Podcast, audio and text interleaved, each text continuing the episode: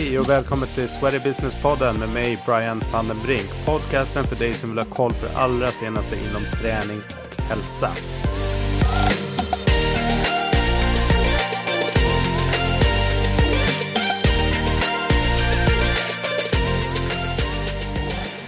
Varmt välkomna tillbaks till Sweaty Business-podden och välkommen till studion Amanda Kutra. Tack så mycket, roligt att få vara här. Hur är läget? Det är bara bra tack. Ja. Jag ser verkligen fram emot det här. Um, Itrim tycker jag är ett uh, superspännande koncept också som jag förstått är en stor omgörning eller en ny daning så det ska bli spännande att höra mer om det och sen uh, tycker jag också alltid att det är spännande när det är gäster som inte är ifrån den här myllan som är träningsbranschen, gymbranschen som kan eh, komma med lite nya glasögon och perspektiv på, på det vi gör. Du, ehm, hur, eh, om jag bara inleder, hur har det här året börjat för er? 2021, eh, ja, är vi inne i vecka tre nu? Hur långt har vi kommit? Ja, jag tror det. Det går dit i alla fall. Det har varit en ganska så lugn start på året. Det har inte sett ut som ett vanligt år. Vi går ju fortfarande och undrar när ska den där ketchup-effekten komma. Eh, förhoppningsvis kommer den, eh, men det blir troligen inte närmsta veckorna. Nej. Så ganska så lugnt på våra center. Ja, det känns som att det har försiktigt smugit igång sådär så att vi, vi får hoppas att den här puckeln försvinner eh, så fort det är möjligt i alla fall och att eh, folk kan börja återgå. Du, eh, jag tänkte vi inleder alltid med lite uppvärmning så att du kommer igång och så att lyssnarna får lära känna dig lite grann. Så eh, ditt eh, bästa köp? Mitt bästa köp, min bästa pryl jag köpt, det är min stumpjumper, min mountainbike. En specialized. Eh, det var kärlek för första ögonkastet och vi har haft så mycket roligt tillsammans. Jag bor ju nära eh, Hellas här ah. i Stockholm, så mycket ute och cyklade. Härligt. Det här gör mig förbannad eller upprörd. Jag blir arg när människor är oärliga. När de inte står upp för sin sak eller vågar säga vad de tycker. Eller säger en sak i ett rum och någonting annat i ett annat rum. Mm. Om du skulle få obegränsat med pengar till ett eh, projekt, eh, privat eller yrkesmässigt, vad skulle du göra? Till bara ett projekt? Kan vi obegränsat? kan vi smalna det, av det lite? Kan jag få en stor summa pengar och kan jag få ett år då det inte är corona? Då tar jag garanterat och eh, chartrar ett flygplan och tar med alla mina cykelkompisar antingen åka skidor borta i Japan, i Puder eller över till Costa Rica för att surfa på vågorna eller någonting annat härligt. Men ja. ska jag prata om ett hjärteprojekt så blir det Trim förstås. Ja. Och göra satsningar. Yes, du är en app som du använder mycket. Ja, jag måste erkänna, jag är Omni-knarkare. för de som inte då vet vad Omni är så det är en nyhetsapp där man samlar artiklar från eh, alla möjliga tidningar över hela världen. Eh, favoritträningsform? Cykla såklart, det har jag redan sagt. Åka skidor har jag också nämnt. Sen klättrar jag gärna. Eh, och allt det där gör jag så ofta jag kan men det tar ju lite längre tid så det som är mest frekvent är väl att gå träna på gymmet och då gärna med min pojkvän. Det, det gör mig också glad, det är kul. Mm. Lite äventyrssportare så? Ja, ser mig nog inte som äventyr men det får gärna vara lite fart och fläkt, absolut. Ja. Och lite adrenalin och lite utmaning. Här gick det åt helsike. Oops. Hur mycket tid har vi? Eh, jag förstår att jag ska bjuda på mig själv här eh, och plocka fram någonting som ska vara lite roligt också. Eh, jag plockar en incident från den tiden då jag jobbade på en av Sveriges största mediebyråer som vd. Och eh, bland det största happening vi hade varje år var när vi hade ett eh, kundevent där vi skulle presentera årets mediatrender. Och det var stort förstås och det drog mycket folk. Och det här var en tidig morgon någon gång i januari. Och det satt flera hundra personer och väntade och jag skulle hälsa alla välkomna och jag var mickad och klar. Men fick för mig att jag behövde gå och pudra näsan lite snabbt. Ah. Och där går det säkert igång massa fantasier på olika håll. Men det som hände var att dörren gick i baklås. Och jag visste att lokalerna runt omkring där jag var, de var tömda. Det fanns ingen där. Så jag hade i princip två alternativ. Det första var att sätta på micken och be någon komma och släppa ut vd. Och det andra det var att banka på dörren för allt vad jag var värd. och jag säga, det löste sig, det gick inte åt helsike men personen som öppnade dörren såg rätt förskräckt ut. ja, härligt. Eh, ditt bästa tips för återhämtning? Bästa som funkar bäst för mig det är eh, naturen. Att ge mig ut på fjället eller ut på havet eller eh, någonstans där för mycket, mycket luft, mycket vidder. Då tankar jag som allra bäst och gärna i kombination med att det är någon typ av rörelse och aktivitet. Men annars ska man hålla sig mer stilla så är det nog att sitta och titta djupt in i elden. Det kan jag göra i timmar. ja. Du, det här behöver träningsbranschen tänka om kring. Den kan man väl lägga på så många olika nivåer men är det någonting som jag tycker känns viktigt är att vi alla säkrar upp hur, hur säkrar vi att våra medlemmar tränar regelbundet och kommer tillbaka ofta. Nu är vi inne i januari och man kan ju redan se hur de där nyårslöftena som alla så heligt lovade att det börjar dalna ganska så snabbt. Och, och, det är inte bra för oss långsiktigt. För vår överlevnad och för självklart för bästa liksom, eh, resultat, hälsan för våra eh, medlemmar så är det ju att hitta sätt att säkra upp att man faktiskt kommer och tränar ofta och länge mm. och regelbundet. Ja, jag håller med. Vi behöver bli mycket bättre på att få alltså inspirera och engagera folk, eh, människor över tid. Liksom. Den här initiala egna drivkraften för de flesta räcker en viss period men uppenbarligen så klingar den av och klingar av ganska snabbt. Så att eh, ja, vi kanske kommer in på det här lite längre fram. Jag tänkte så här, du eh, är ju ny, relativt ny vd för eh, Itrim International.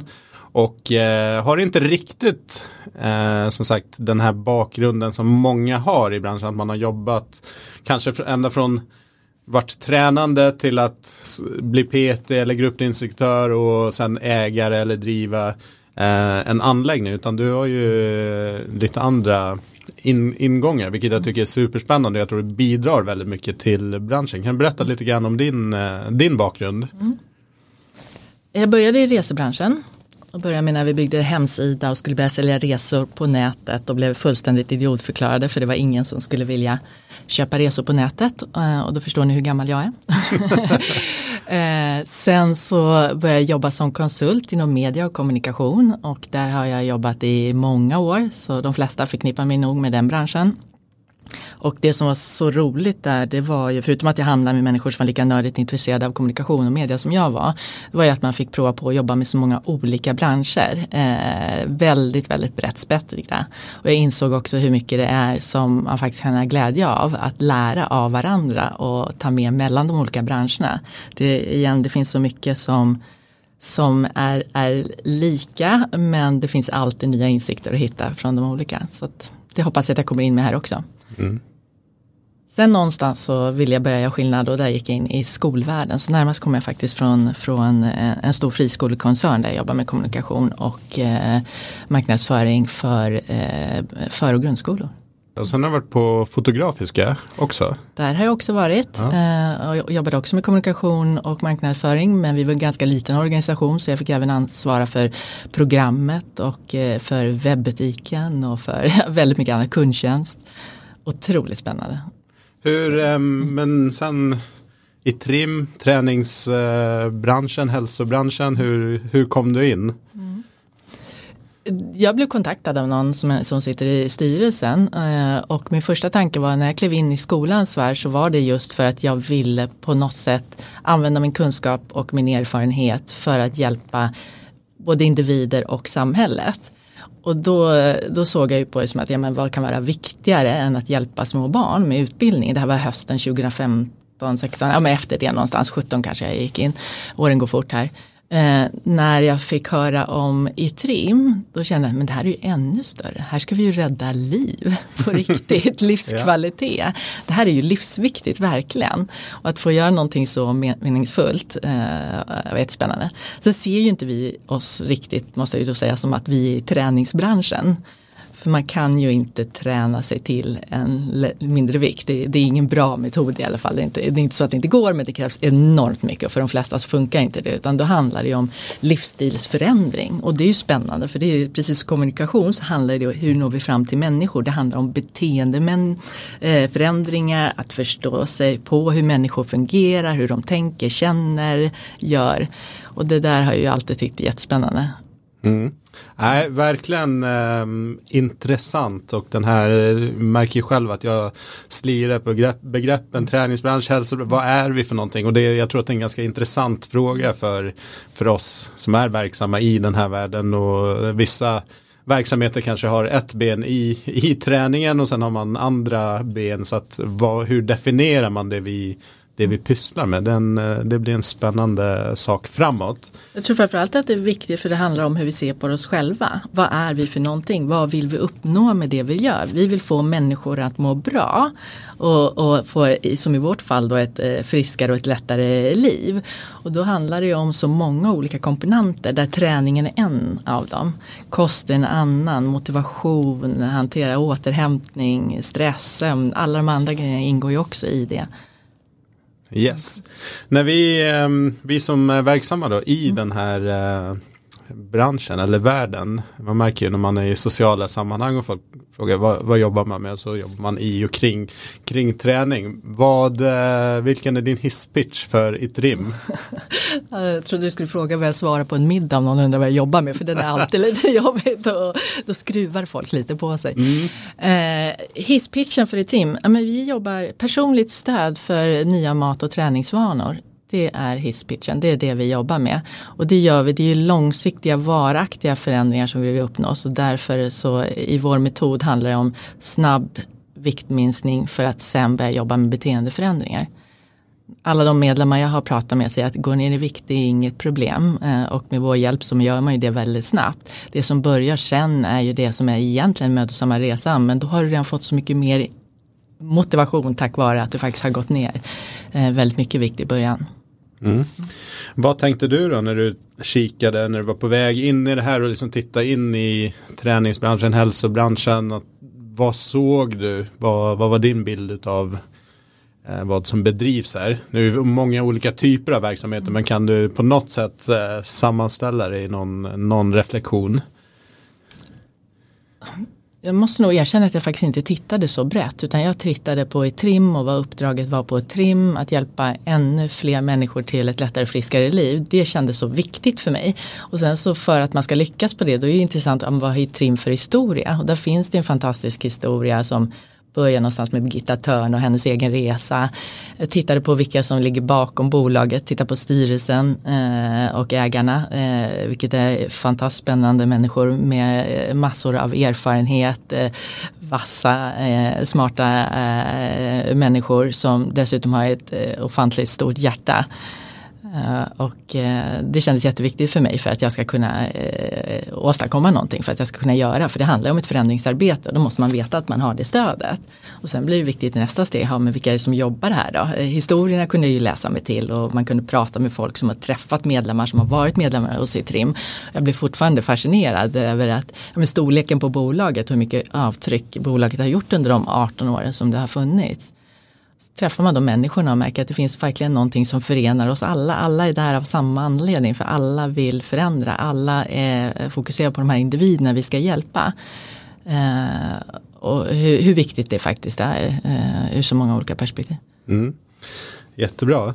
Vad var dina första och kanske viktigaste första insatser som du kände okej okay, det, här, det här behöver vi få ändra på, få styr på att, jag tror man måste då känna till att det var den 4 mars 2020 som, som jag klev på posten. Så oavsett vad jag hade tänkt eller hade på agendan så den 11 mars så äh, sitter jag och skrattar, det får man inte göra. Men då var det äh, äh, ja, Världshälsoorganisationen. Man måste, måste kunna ha lite distans trots att vi är mitt in, inne i det, att man ändå kan Ja, det är en allvarlig situation men samtidigt också blir det ju ja, komiskt på det sättet att kliva in mitt i liksom den Alltså, värsta det- turbulensen som någonsin har varit i, i, i vår bransch. Ja, men jag, och jag måste verkligen säga det, för för mig var det flashbacks. För jag kommer ihåg att jag pratade med Mats Lederhausen som är eh, en av våra ägare och, och eh, sitter i styrelsen och han pratade om börsen faller, börsen faller. Och jag fick sådana flashbacks för när jag klev på som, som vd för den här mediebyrån Garat, det var precis när finanskrisen kom till Sverige.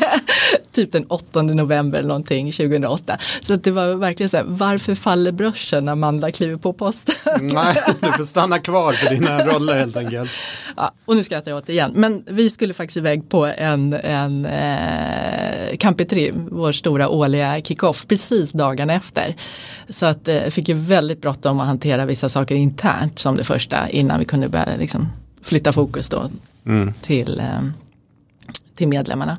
Men det påverkade ju jättemycket vad jag Såklart. faktiskt gjorde. Oavsett vad jag hade för uppdrag när jag kom in så blev det agendan när jag väl klev in. Men nu har ni, eller du och ni i organisationen såklart fått tackla alla utmaningar som, som har kommit med pandemin. Men om man lägger det lite åt sidan. Vad skulle du säga är Trims eh, största liksom, utmaningar framåt? Vad, ja, det är ett väldigt framgångsrikt koncept historiskt. Gör en omdaning nu. Men vad baseras det på? Lite grann kan du dela med dig någonting av det? Mm. Vår idé är ju densamma. den gör vi inte om. Det här personliga stödet för att få de nya mat och träningsvarorna. Eh, metoden är densamma, den har ju visat sig, det har ju forskats väldigt mycket på den databas där vi har samlat eh, uppgifter och eh, eh, så om alla våra medlemmar i syfte liksom att stötta våra medlemmar men den har också forskarna kunnat använda och så för att kunna hjälpa ännu fler människor. Så att vi vet ju verkligen att den fungerar så det handlar ju inte om det utan det handlar ju snarare om att vi ska levla de olika delarna. Eh, det dels eh, träningen eh, som ju nu ligger eh, ute, vi håller på att rulla ut helt ny träningscirkel över hela landet och gör det. Eh, vi började i, i augusti, då hade vi två center på försök och nu kör vi resten av centerna här under våren. Eh, men sen ska vi göra samma sak med, eh, med coachningen, alltså rådgivningen när det gäller både kost och återhämtning och de delarna. Så där håller vi också att titta på eh, hur vi ska utveckla det.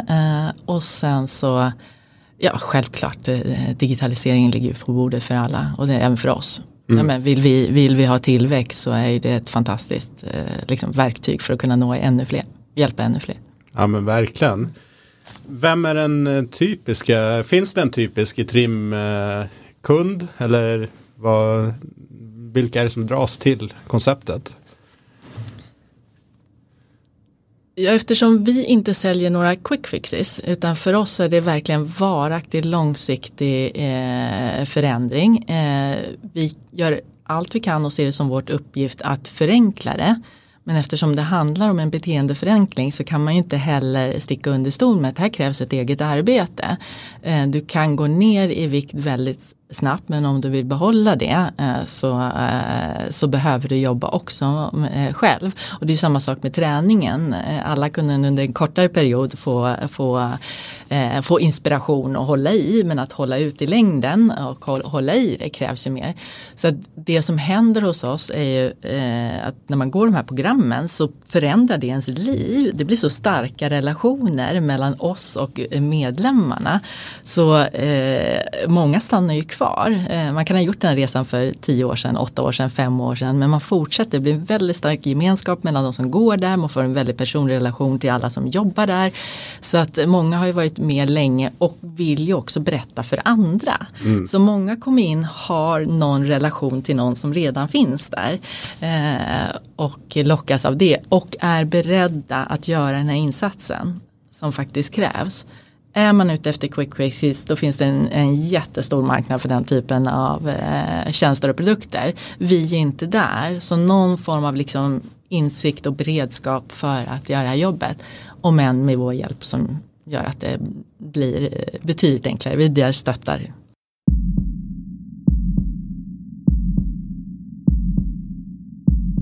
En sak som jag eh, kan sakna rätt mycket i generellt sett om jag tittar på gym, träningsanläggningar. Det, det är så här en, ett sätt att följa upp. Alltså vi människor kommer och tränar, de gör olika aktiviteter men det är väldigt många som, ja men vad har det egentligen gett? Och som jag har förstått det med ert nya koncept och ni har ju gjort mätningar, liksom följt upp tidigare såklart. Men, men kan du berätta lite grann om, om hur ni tänker med, kring data och hur man kan använda teknologin egentligen för att ja, men dels motivera men också kunna följa upp och, och hjälpa klienterna på sin, sin individuella resa. Mm. Ja, men det är väl en förväntan som kommer nu. Det finns ju så otroligt mycket redskap och verktyg liksom för att följa upp. Våra klockor gör det, våra telefoner gör det. Det samlas massa data om oss på, på olika sätt. Så när vi skulle välja ut den här nya träningscirkeln så var det en, en viktig del av, av eh, valet och då valde vi de här maskinerna då som heter eGym eh, och som har AI eh, i sig. De, de är, förutom att det finns en rolig sån här, eh, gamification, alltså spelapplikation som gör att eh, du blir väldigt taggad och, och, och, fokuserad när du tränar. Så samlar den också allt data om dig. Så när du, när du sätter dig i de här maskinerna så har du ett armband och blippar det och då vet maskinen att det är du som är där, den vet hur stark du är, vilket träningsprogram du är, hur lång du är, alla de där grejerna vet det. Och den tankar också direkt ner det i, i din profil. Så att både du kan följa via en app eh, och vi som, som eh, personliga tränare och coacher kan följa din träning. Den kan känna av, idag så Brian så verkar det som att du inte har sovit så bra eller du är lite trött så att vi lättar lite på trycket men där kommer du igång, ja men då öser den på igen liksom. Eller eh, du får göra en styrketest var sjätte gång du tränar bara för att se att det går liksom inte att maska på något sätt med den här. Du kan inte stå där och lalla på som du har gjort hela tiden. Maskinen hjälper dig och vi får också möjlighet att se att ah, du verkar lite svagare faktiskt här i ryggen än vad du är framme i bröstet. Så att vi bör nog lägga på lite fler eh, ryggövningar så kan man skicka in det du frågar mig om all data då mm. som kommer av den här för då, då ligger ju den samlad där så frågan är vad man vill göra den. Du kan ju följa din, din eh, progression och din utveckling. Det vi tittar på nu, hur kan vi ta den här datan som är för träningen som nu inte blir på hörsägen, hur har det gått med träningen eller PT som måste liksom, PT small group kör vi många av våra medlemmar. Eh, att man ska liksom notera och komma ihåg och föra anteckningar utan det, det trillar in i den här direkt. Men hur kan vi också kombinera det med ännu mer hälsodata? Så vi tittar ju nu på att byta ut våra vågar och hur mycket mer kan man få in där och vilken annan kan vi göra andra tester som pratar om hur du faktiskt mår, alltså den subjektiva upplevelsen av hur du mår och kombinera allt det här. Och där blir det ju spännande för då får vi ju helt plötsligt väldigt mycket data som kommer kräva helt nya kompetenser i att analysera den och omvandla den så att vi, det vi lyfter fram är relevant och blir eh, någonting eh, vettigt av när det kommer till eh, rådgivning och motivation för, för medlemmar. Ja, wow säger jag. Det, det låter fantastiskt tycker jag.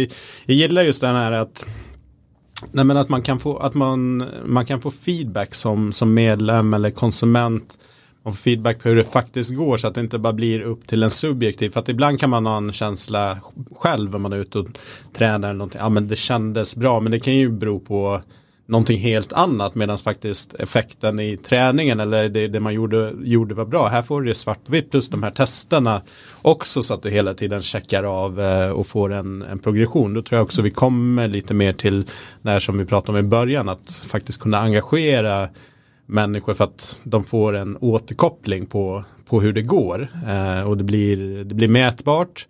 Men det jag gillar också med det som du pratar om här det är ju de här eh, mer mentala aspekten att man väger in det. Vi, det har varit väldigt mycket fokus på liksom vikt och fettprocent och liksom kroppssammansättning som är väldigt ibland ytliga eh, grejer som man mäter. Eh, så, och, men eh, de mentala aspekterna är ju lika viktiga kan jag tycka. Att, okay, hur mår du? Hur, hur, hur går den utvecklingen? Särskilt med tanke på att just mental eh, ohälsa eller psykisk ohälsa bara ökar så är den också superviktig om man vill vara en hälsoaktör och vara bredare än att bara fokusera kanske på träningen i sig. Men jag tror för att få resultat så handlar det mycket om självkännedom också. Att faktiskt förstå vad händer med mig? Nu händer, vi drabbas alla av livet emellanåt. Vad händer när jag blir stressad? Hur agerar jag då? Vilka val gör jag när jag blir stressad? Och man kan följa dem och börja se sambandet mellan dem. Vad händer om jag inte faktiskt tar mig tid? Inte bara för alltså fysisk vila, sömnen är ju jätteviktig. Men för andra saker också som fyller mig med glädje och, och alla de delarna. Att det, inte, eh, det är så många olika delar som, som bidrar till att resultatet och börjar man kunna se bilden själv så har man också eh, bättre insikt och förmåga att eh, långsiktigt hålla i det här. Men man ska inte underskatta också, jag tror att vi faktiskt gjorde det med tanke på eh, om vi tittar på, på våra medlemmar idag så har vi ju en liksom relativt eh, eh hög medelålder och eh, en övervikt bland kvinnor och, och vad det nu är. Och vi hade väl kanske inte trott att den här, eh, de här olika utmaningarna som fanns inbyggda i de här apparna skulle, eh, skulle uppskattas så mycket som det faktiskt gjorde. Att den här rankingen på centret eh, där du ser vilka som har tränat mest och, och var du hamnar i den och hur du har presterat. Och liksom, att de går igång på det. Vi har haft videomöten på det här första centret ute i Täby där vi lanserade det här. Där eh, alla får ställa frågor om, om de, de nya maskinerna och sånt som kommer upp längs resan. För det är ju klart att det är en stor omställning när vi kommer in med de här eh, jättekola grejerna. Och, och då kommer sådana frågor upp och det var vi helt oförberedda på. Men jätteroligt att, ja. att, att det, det triggar. Verkligen, det verkar vara någonting. Jag brukar köra med min dotter, hon är sex år. Eh, vi har kört nu under julen när inte allt har varit nedstängt nästan. När vi inte kunnat gjort ja, men typ bounce och den typen av aktiviteter som vi vanligtvis gör kanske på helgen och fotbollen låg nere. Då har vi kört eh, Alex träning på SVT Play. Uh, och där är det ju lite så här gamification. Varje övning du har gjort så får du en stjärna och så räknar den liksom upp tills, tills du är klar. Och jag märker ju att de går igång jättemycket på att ah, men nu har vi fått nästa stjärna. Nu har vi fått, så att det verkar ju funka liksom ända upp i vuxen, vuxen ålder. jag tror det är det som är vår insikt och vår erfarenhet nu som gör oss så glada. För att det, det bidrar ju också till den här gemenskapen. Igen, det är så otroligt viktigt vilka du umgås med. Vill du träna mer då ska du umgås med människor som tycker om att träna. Mm. Eh, vill du bli gladare, vill du, även alla de här sakerna eh, eh, är ju en del av att det som jag sa inledningsvis, hur kan vi titta på att man faktiskt kommer oftare. Där tror ju relationen och den, det personliga är det, det viktigaste. Verkligen. Och sen en sista på det kring, kring konceptet. Så jag tror att ehm, förväntan snabbt kommer bli bland eh, konsumenterna att man kan få feedback på olika sätt. Antingen liksom att utrustningen kan skicka information så att du får liksom, eh, kan kvantifiera på, på ett eller annat sätt. Och återigen tillbaka till min dotter innan hon förstod att vår tv inte var en, eh, en, eh, en touchpad. Hon, liksom, och gick fram till tvn och försökte liksom, du kunde inte förstå varför paddan kunde reagera men tvn gjorde det inte. Så att eh, lite den tänker jag att i, i framtiden, vilket kan vara ganska snart, så kan det bli en sån krock att, men vänta nu, får jag ingen information härifrån, liksom, kan jag inte interagera med, med utrustningen på ett eller annat sätt och få, få information eller feedback från den. Ja, men jag tänker som vi tänker också att vi har en livslång relation med våra eh, medlemmar. Du kan komma in av olika skäl. Du kanske kommer in just för att du vill göra Viktresan och så börjar du där och så blir du kvar. Men du kan lika väl komma in till oss för att du vill, nu vill jag springa ett maraton. Hjälp mig att komma dit. Kost, träning, eh, återhämtning för att jag ska kunna springa, springa det här maraton eller gå på Kebnekaise eller vad det nu än må, må vara för någonting. Så det är massor av olika ingångar in. Eh, och olika skeden i livet där man behöver eh, olika saker. Och då tänker jag att då, då är det de här eh, eh, möjligheten att kommunicera. Verkligen. Du har ju en, eh, en bakgrund inom, inom kommunikation. Jag är ju också marknadsförare, kommunikatör i grunden eh, och har eh, haft min största del kanske eh, yrkesmässigt med den typen av arbetsuppgifter. Eh, vad tänker du kring, vad, finns det något eh, träningsbranschen, företag som är verksamma här kan liksom lära sig av de som kan kommunikation på riktigt? Jag har nog inte suttit och analyserat och tittat på branschen så. För mig så handlar det oavsett, jag har jobbat med många olika branscher. Och det handlar, de som är duktigast på det, det är alltid de som känner sina eh, konsumenter allra bäst. De vet vad de vill, vad de vill eh, att de ska uppfatta och, eller vad de vill åstadkomma med sin kommunikation. Målen tydliga för sig. Eh, genomförandet, kreativiteten i det och uppföljningen. Det här är de tre delar så det spelar ingen roll om du tittar hundra år tillbaka i tiden. Hur byggde man riktigt bra och vass kommunikation då? Och hur gör man det idag? Det är samma beståndsdelar. Sen har vi helt andra verktyg, vi har helt andra kommunikationskanaler. Jag tror att ett av utmaningarna i våran bransch är att det är många som, och nu prata i vår bransch och så pratar jag träningsbranschen helt plötsligt. Men det var Ja. det, eh, den bilden jag hade framför mig. Att många är sprungna ändå utifrån att det här är en passion till att börja med. Man brinner så mycket för det man gör. Man är, inte, man är glada eh, entreprenörer med en enorm eh, vilja och drivkraft. Men man kanske inte har erfarenheten från hur andra företag bygger upp sin verksamhet och eh, hur man kommer ut. Så det behövs både kompetens men det behövs också finansiella muskler och det är väl ingen hemlighet att vi är inte de stora marginalernas eh, marknad så att eh, Nej, för att få in den kompetensen och eh, kunna nå ut så, så, så, så behövs det resurser helt enkelt. Mm. Nej, det är spännande. Jag, när jag kikar eller tänker ibland så tänker jag att vi ligger ganska i, ofta i kommunikationen. Det är väldigt mycket sälj, säljutlösande så ligger ganska liksom långt ner i någon slags som man ska visualisera en säljtratt. Att det är någonstans där folk man kommer se kring att folk kanske har bestämt sig eller liksom bestämt sig för att gymmet eller den fysiska platsen är, är där man ska lösa sitt problem, vare sig det är viktminskning, eh, eller springa ett maraton eller vad det nu, nu kan vara. Men om man tittar på spelplanen idag så alltså alternativen för någon som ska lösa ett problem, säg gå ner i vikt eller liknande så finns det, det finns gratis grejer på YouTube, det finns quick fix koncept, det finns i trim, det finns andra aktörer, det finns så många liksom olika sätt att ta sig an det och ibland kan jag känna att vi, många är hemmablinda. Men det, det är självklart att vi tycker att vår produkt är det bästa och vi brinner för vi är sprungna ur passionen i branschen. Men man kanske inte alltid är superbra på att sätta sig in i kundens, eh, den potentiella kundens mindset att okej, eh, var är du någonstans och, och vilken roll kan vi spela in i ditt totala pussel? Kanske lite ödmjukhet, kanske också för att tränings eller gymmen har varit relativt ensamma och sen de sista fem åren kanske så är liksom konkurrensen i form av olika tjänster och aktörer har ju liksom fullkomligt exploderat. Mm. Det skrivs ju väldigt mycket om det. Det finns väldigt många som delar med sig av eh, sin kunskap och, och, och, och så i, i, framförallt i sociala medier. Men kanske inte i den i de andra liksom, offentliga rummen, i debatten och i media i stort. Eh, Jag försökte hitta bara branschtidningar. Det finns inte så jättemånga som driver våra frågor. Och, och, eh, nu sitter vi mitt uppe i pandemin som vi kanske ska prata mer om sen. Men det, det, vem har drivit, eh, vem, vem står, vår folkhälsominister är upptagen med annat just nu. Men eh, det finns ju kanske, det finns verkligen plats och ett utrymme position att ta där. Yes. Du, vidare till eh, nuläge, framtid. Eh, du hoppade in mitt i, precis när det här skulle ta fart. Eh, men eh, vad i liksom, termer av coronahantering då, vad, vad var viktigt för er att ta tag i på en gång som blev brinnande frågor?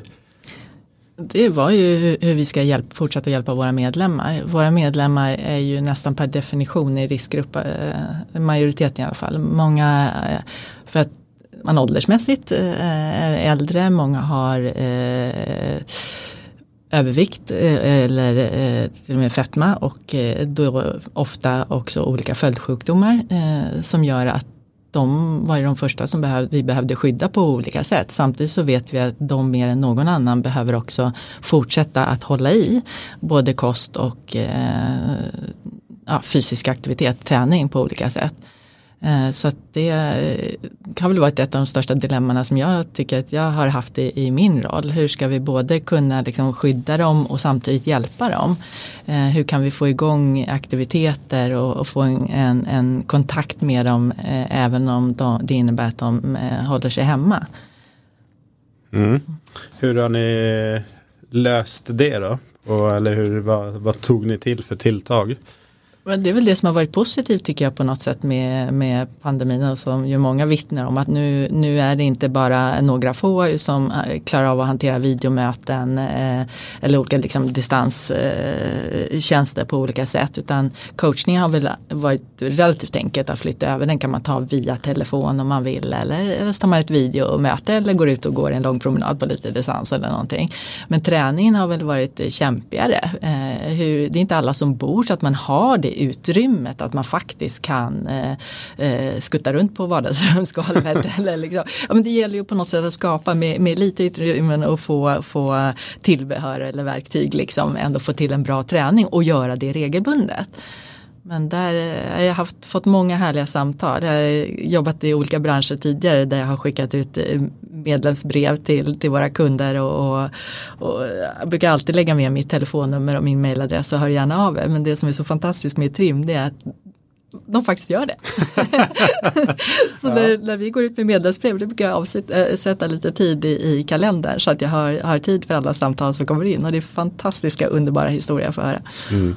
Ja, det är ja, jättebra grej som du, som du gör där. Jag tror verkligen en sån sak gör stor skillnad eh, för medlemmarna och för personalen. Att man, man visar sig att man, man är tillgänglig och bryr sig.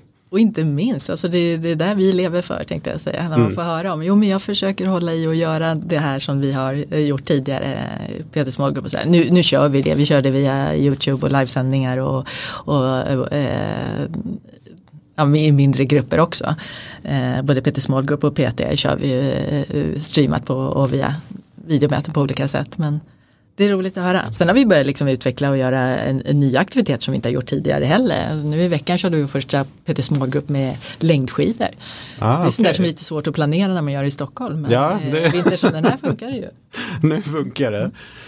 Du, är du orolig för eh, verkningarna av pandemin eller känner du ändå en positiv känsla kring framtiden ändå post corona? Alltså långsiktigt är jag inte det minsta orolig. Men att inte vara orolig här och nu, det vore fullständigt orimligt. För det är klart på så kort sikt så är det här jättetufft för branschen och för oss. Men att på, på lång sikt så, eh, så är det så livsviktigt det vi håller på med. Så att eh, eh har svårt att tro att eh, det inte kommer att bli den där ketchup-effekten som jag nämnde i början. Förr eller senare den dagen vi alla känner oss trygga att vi får komma tillbaka. Mm. Nej, jag tror också att, eh, som, precis som du säger, kort sikt jättetufft. På lång sikt har vi kanske den bästa möjligheten någonsin att positionera oss och liksom det är ju en eh, det här är ju någonting som också har belyst liksom vikten av en av en bra hälsostatus helt enkelt för att vara motståndskraftig. Att det inte bara kanske en nidbild att handla om yttre och liksom sådana grejer utan att det här är faktiskt någonting som är, som är viktigt. Eh, det har ju pratats om det men jag tror ändå så här i vardagen folk bara ja, jo jag borde ta tag i det här med med hälsan och livsstilen. Men så kommer livet och det är jobb och det är massa, massa andra saker. Men att nu har det puffats upp eh, så otroligt högt i mångas medvetande. Tror jag i alla fall. Jag hoppas det. Ja, det hoppas verkligen jag också. Att det är någonting vi ska ta med oss. För det har varit mest elände får vi väl ändå säga. Så är det, är det den insikten. Om 50% av alla svenskar är överviktiga. 50 100% behöver röra på sig varje dag. Mm. Då, eh, och har man då fått se vad det faktiskt kan eh, betyda, eh, det vill säga eh, det kommer någon form av vilja att jobba preventivt, att liksom i förebyggande syfte, jag vill inte bli sjuk. Och det här är bland det bästa, rörelse och god kost och, och sömn och allting är det bästa du kan göra för immunförsvaret då hoppas jag att det inte är här, för det finns en typ av mänsklig bekvämlighet också, att man snabbt glömmer. Men jag hoppas att i det här fallet så har det gjort så pass ont att vi faktiskt bär, fortsätter att bära det med oss och, och också får känna på hur lustfyllt det är. För det är det som, som är det bästa med det vi håller på med. Att det, det är ju roligt när man kommer igång. Man mår ju så gott. Effekterna, eh, livskvaliteten, jag menar, oavsett om det var att komma in i sina gamla jeans eller vad det nu var som gjorde att man tog första steget eller jag vill kunna leka med mina barn på golvet eller vad det nu än må vara. Så när man väl får känna effekten av det här, eh, må bra, Eh, så, så ja, är man ju hooked. Ja, Absolut. Jag har, jag, vi har faktiskt eh, en, en, en av våra kära medlemmar som jag sprang på eh, när jag var ute på vårt center i Uppsala. Som jag hade hört talas om innan så att jag blev så glad när jag bara hörde hans namn och gick fram och, och äntligen så får jag, får jag träffa dig på nära håll. Och då, då Då säger han, jo du förstår Amanda, när man har varit hos er så, så, eh, och gått igenom den här resan så, så blir man ju fast. Liksom. Ni, I Trimset är hullingarna i er. Så Men det är lite jobbigt när ni byter logga, säger han. Och så drar han upp eh, eh, tröjärmen och så har han, han tatuerat, men då är det den gamla loggan på armen. Ja, ja, ja. Mm, ja den är svårare.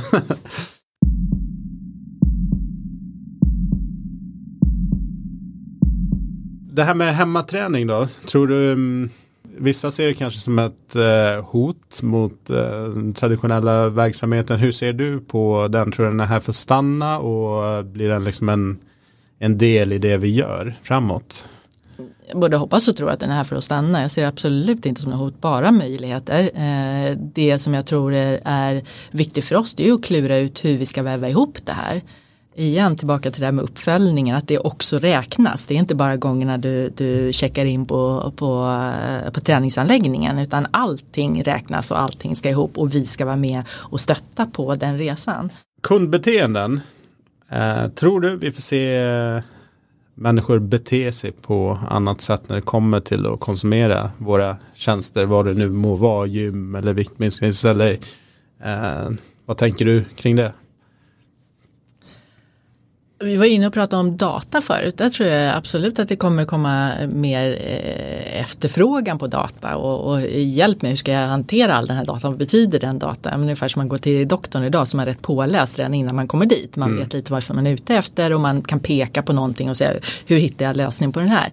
Där tror jag att vi måste ju bli mycket, mycket smartare och duktigare på, på att hantera det. Och för oss nu som har samlat data i så många år i den här hälsodatabasen så har det ju hela tiden tiden varit ett väldigt tydligt syfte. Det vill säga vi ska hjälpa, eh, vi ska hjälpa eh, individerna som kommer till oss, våra medlemmar att eh, lyckas ännu bättre och få ännu bättre resultat.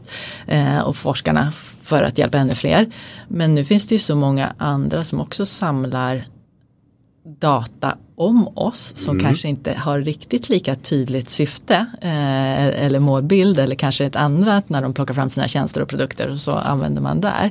Så att den integriteten och den medvetenheten och, och kommer också påverka variationen, utbudet kommer bli så mycket större. Och, och då är ju frågan vad händer då med, med våra kunder och deras beteende när de får alla de här möjliga eh, erfarenheterna. Det är som källkritik får man ju lära sig i, i, i skolan. Eh, det kanske man behöver någon som kan eh, hjälpa till med även på området hälsa, inte vet jag. Så i grund och botten så tror jag att det, det, eh, det viktiga, i alla fall när jag pratar, och igen tillbaka, när jag pratar med våra medlemmar så pratar de så otroligt mycket om gemenskapen och den personliga liksom, relationen till de som jobbar hos oss på Trim och gemenskapen med de andra som, som är där. Så att jag tror att det är ju det som kommer fortsatt vara skälet till varför man väljer att komma till oss och vad man söker när man kommer dit. Nästan någon typ av fristad från mm. resten av världen. Här är jag lite skyddad, här får jag fokusera på mig och min hälsa och hur jag mår. Och, och jag har roligt när jag gör det dessutom. Um, vad tänker du, har du, vi är mitt uppe i pandemin, uh, men vad har du lärt dig utav det som har varit hittills? Jag tror att jag eh, så här, här och nu mest imponerad av hur människor sluter upp den där mänskliga äh, heten som kliver fram på ett fint sätt när, när vi, vi alla blir så drabbade på så många olika nivåer. Men ödmjukhet, du vet aldrig var människor befinner sig. Om man pratar om andra kriser så kan de ha varit mer lokala eller en viss bransch eller ett visst område eller vad det nu än må vara. Det här har ju drabbat oss alla på så många olika sätt vilket gör att vi ja, vi bemöter varandra på, på ett eh, väldigt fint sätt. Jag tycker när första lapparna man såg i trapphusen när eh, någon som erbjöd sig att gå och handla om det är någon nu som inte kan gå och handla själv. Och, ja, folk ställer upp på, för varandra på olika sätt. Och en förståelse som jag tycker också eh, jag möter när jag pratar. Vi har ju fått gå fram rätt hårt emellanåt också i organisationen och göra om och göra förändringar och få otroligt stor förståelse och uppslutning från, från alla håll. Både från de som jobbar hos oss och eh, medlemmarna. Modiga människor. Mm.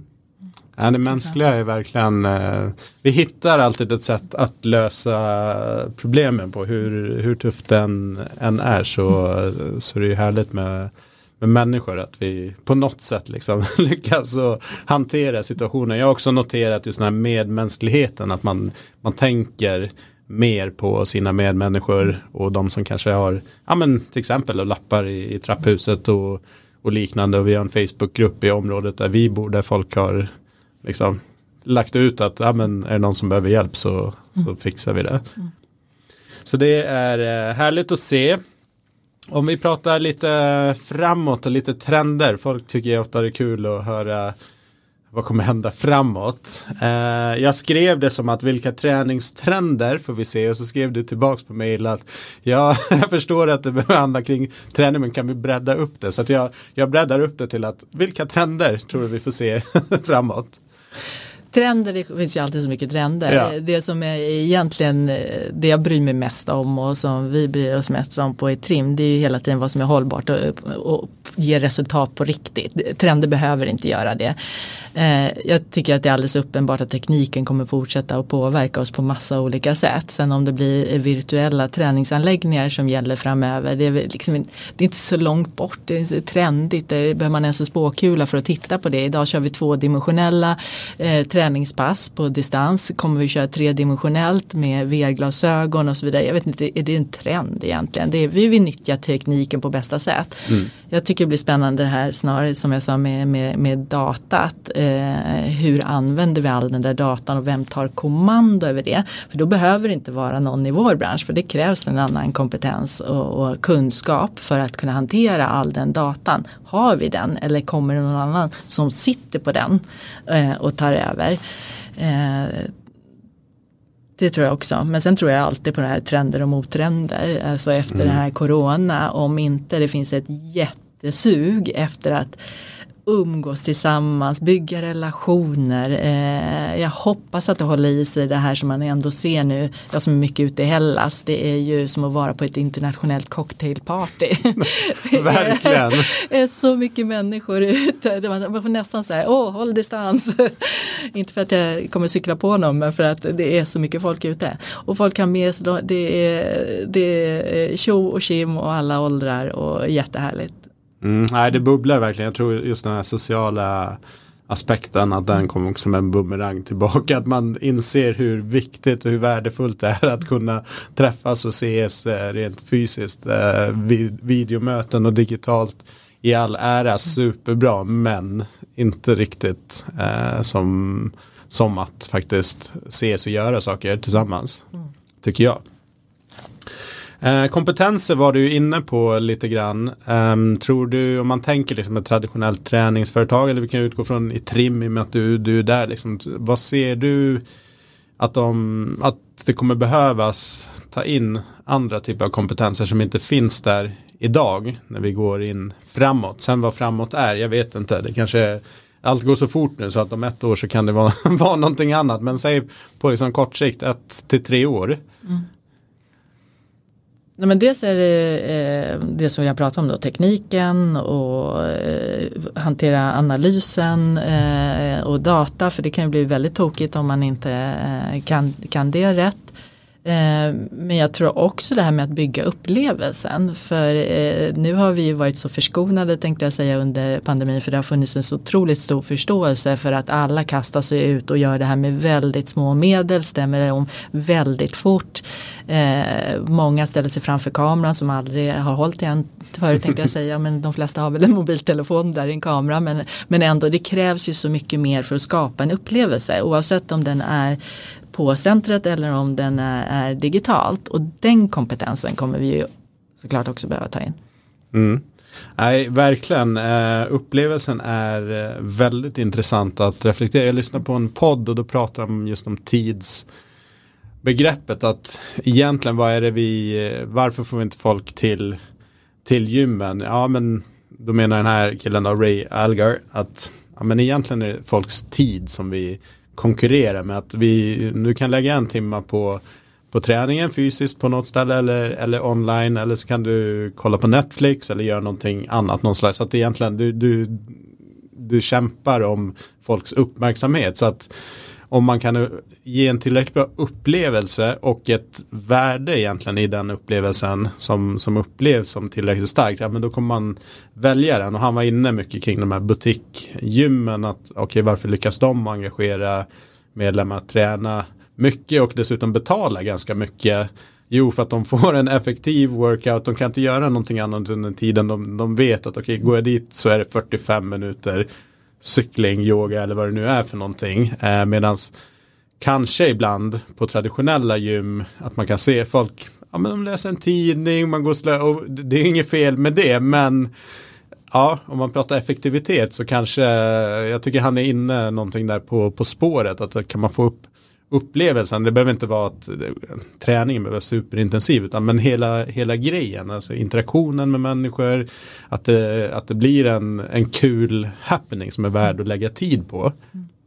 Men jag tror en kombination där av att det ska vara effektivt när du är där och där kan jag bara peka på våra nya träningsmaskiner där det tar 15 minuter med ett varv och för många kan det räcka. Mm. Kör du två varv då kommer till och med du som är så vältränad vara fullständigt färdig.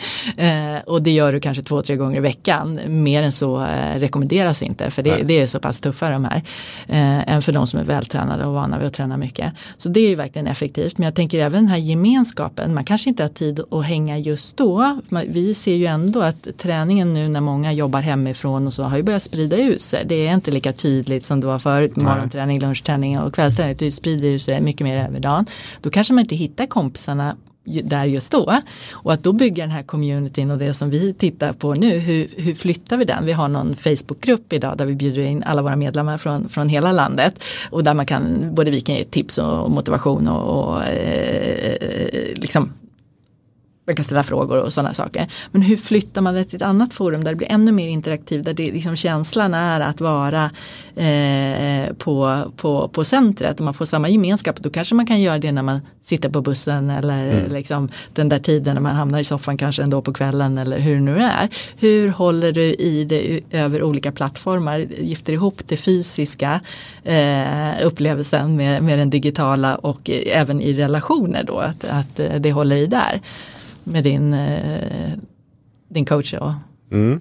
Ja, spännande. Mm. Du, eh, vad hämtar eh, du, ni, Intrim, inspiration till ja, era, er vidareutveckling? Jag tror jag ska prata om mig här nu. Jag, jag, jag har eh, fantastiska kollegor och jag har en, en styrelse och alla ger mig så mycket eh, eh, idéer och, och, tips och dela med sig av vad, vad de hämtar inspiration för. Jag är ju väldigt nyfiken som människa generellt. Jag är nyfiken och jag är orädd. Och jag är särskilt förtjust i att prata med människor. Då är det kan, rätt bransch. ja, verkligen.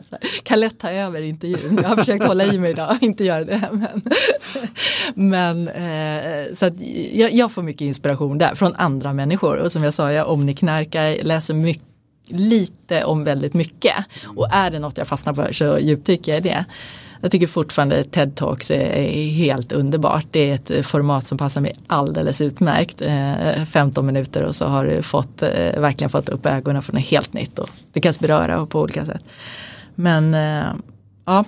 Ja, Jättebra, jag tror det är en bra strategi. Det finns ju så mycket information idag, man kan få liksom djupdyka i allt, men man kan ju inte det. Men just att kolla ganska brett så för att få någon slags samlad bild och sen kanske djupdyka då i, i någonting som är extra intressant. Eh, jag är nog lite lite liknande, även om man ibland fastnar i samma, samma spår eller samma poddar och, och liknande. Det är väl utmaningen också med sociala medier och algoritmer, att man, man bombas av mer av sånt som man, man har visat intresse för. Men också att våga vidga cirklarna lite grann. Men det handlar för mig ofta om att tacka ja till det lite oväntade. Jag gillar det som är annorlunda, jag gillar det som är oväntat. Och jag kan bara ta ett exempel från när jag var på Fotografiska när jag jobbade med en byrå som satt i Karlstad. Och de ringer till mig och jag hör hur det knorrar och vrider sig lite där borta och till slut så säger jag så här, jo men du Amanda, du vet Rally Sweden är, Sweden är ju en av våra kunder och nu är det rally-VM och vi vet ju att du är en upptagen eh, kvinna men kanske skulle vilja hänga på. Och jag bara frös till. Så här, rally vadå? du? alltså, nej men det har ju jag aldrig gjort förut. och så hoppade jag i bilen och så åkte jag till Karlstad och det var ju otroligt annorlunda, en fantastisk upplevelse. Jag hade ingen aning om att det var så stort. 10 000 människor mitt ute i skogen i snön och, och jättespännande. Kommer jag göra om det? Nej, det tror jag inte. Men jag är jätteglad att jag har gjort det. Mm. Nog lärde jag mig en hel del på det. Ja, Så våga, våga prova helt nya saker. Mm. Ja, bra tips. Jag har bara två frågor kvar. Eh, ett är vad kan man följa dig eller i trim beroende på om du, om du är publik i sociala medier eller inte. Men om man vill eh, ja, antingen haka på dig eller, eller kolla vad i trim gör. Vad är, gör man det lättast? Jag är nog mer privat i sociala medier än i Trim-Amanda. Eh, är man nyfiken på det så, så är jag generös men, men då ska man veta om det. Så att jag skulle eh, rekommendera att följa i Trim förstås och, och i de vanliga sociala mediekanalerna. Yes. Facebook och Instagram och alla mm. YouTube. Och sista då, eh, favoritlåt att träna till? Eh, då säger jag Shifted med Tove Lo. Ja, Härligt, då rullar vi ut avsnittet till den låten. Du Amanda, stort tack. Det har varit jättetrevligt och intressant att prata med dig. Tack detsamma. Det är kul att få komma hit. Kul att träffa dig. Detsamma.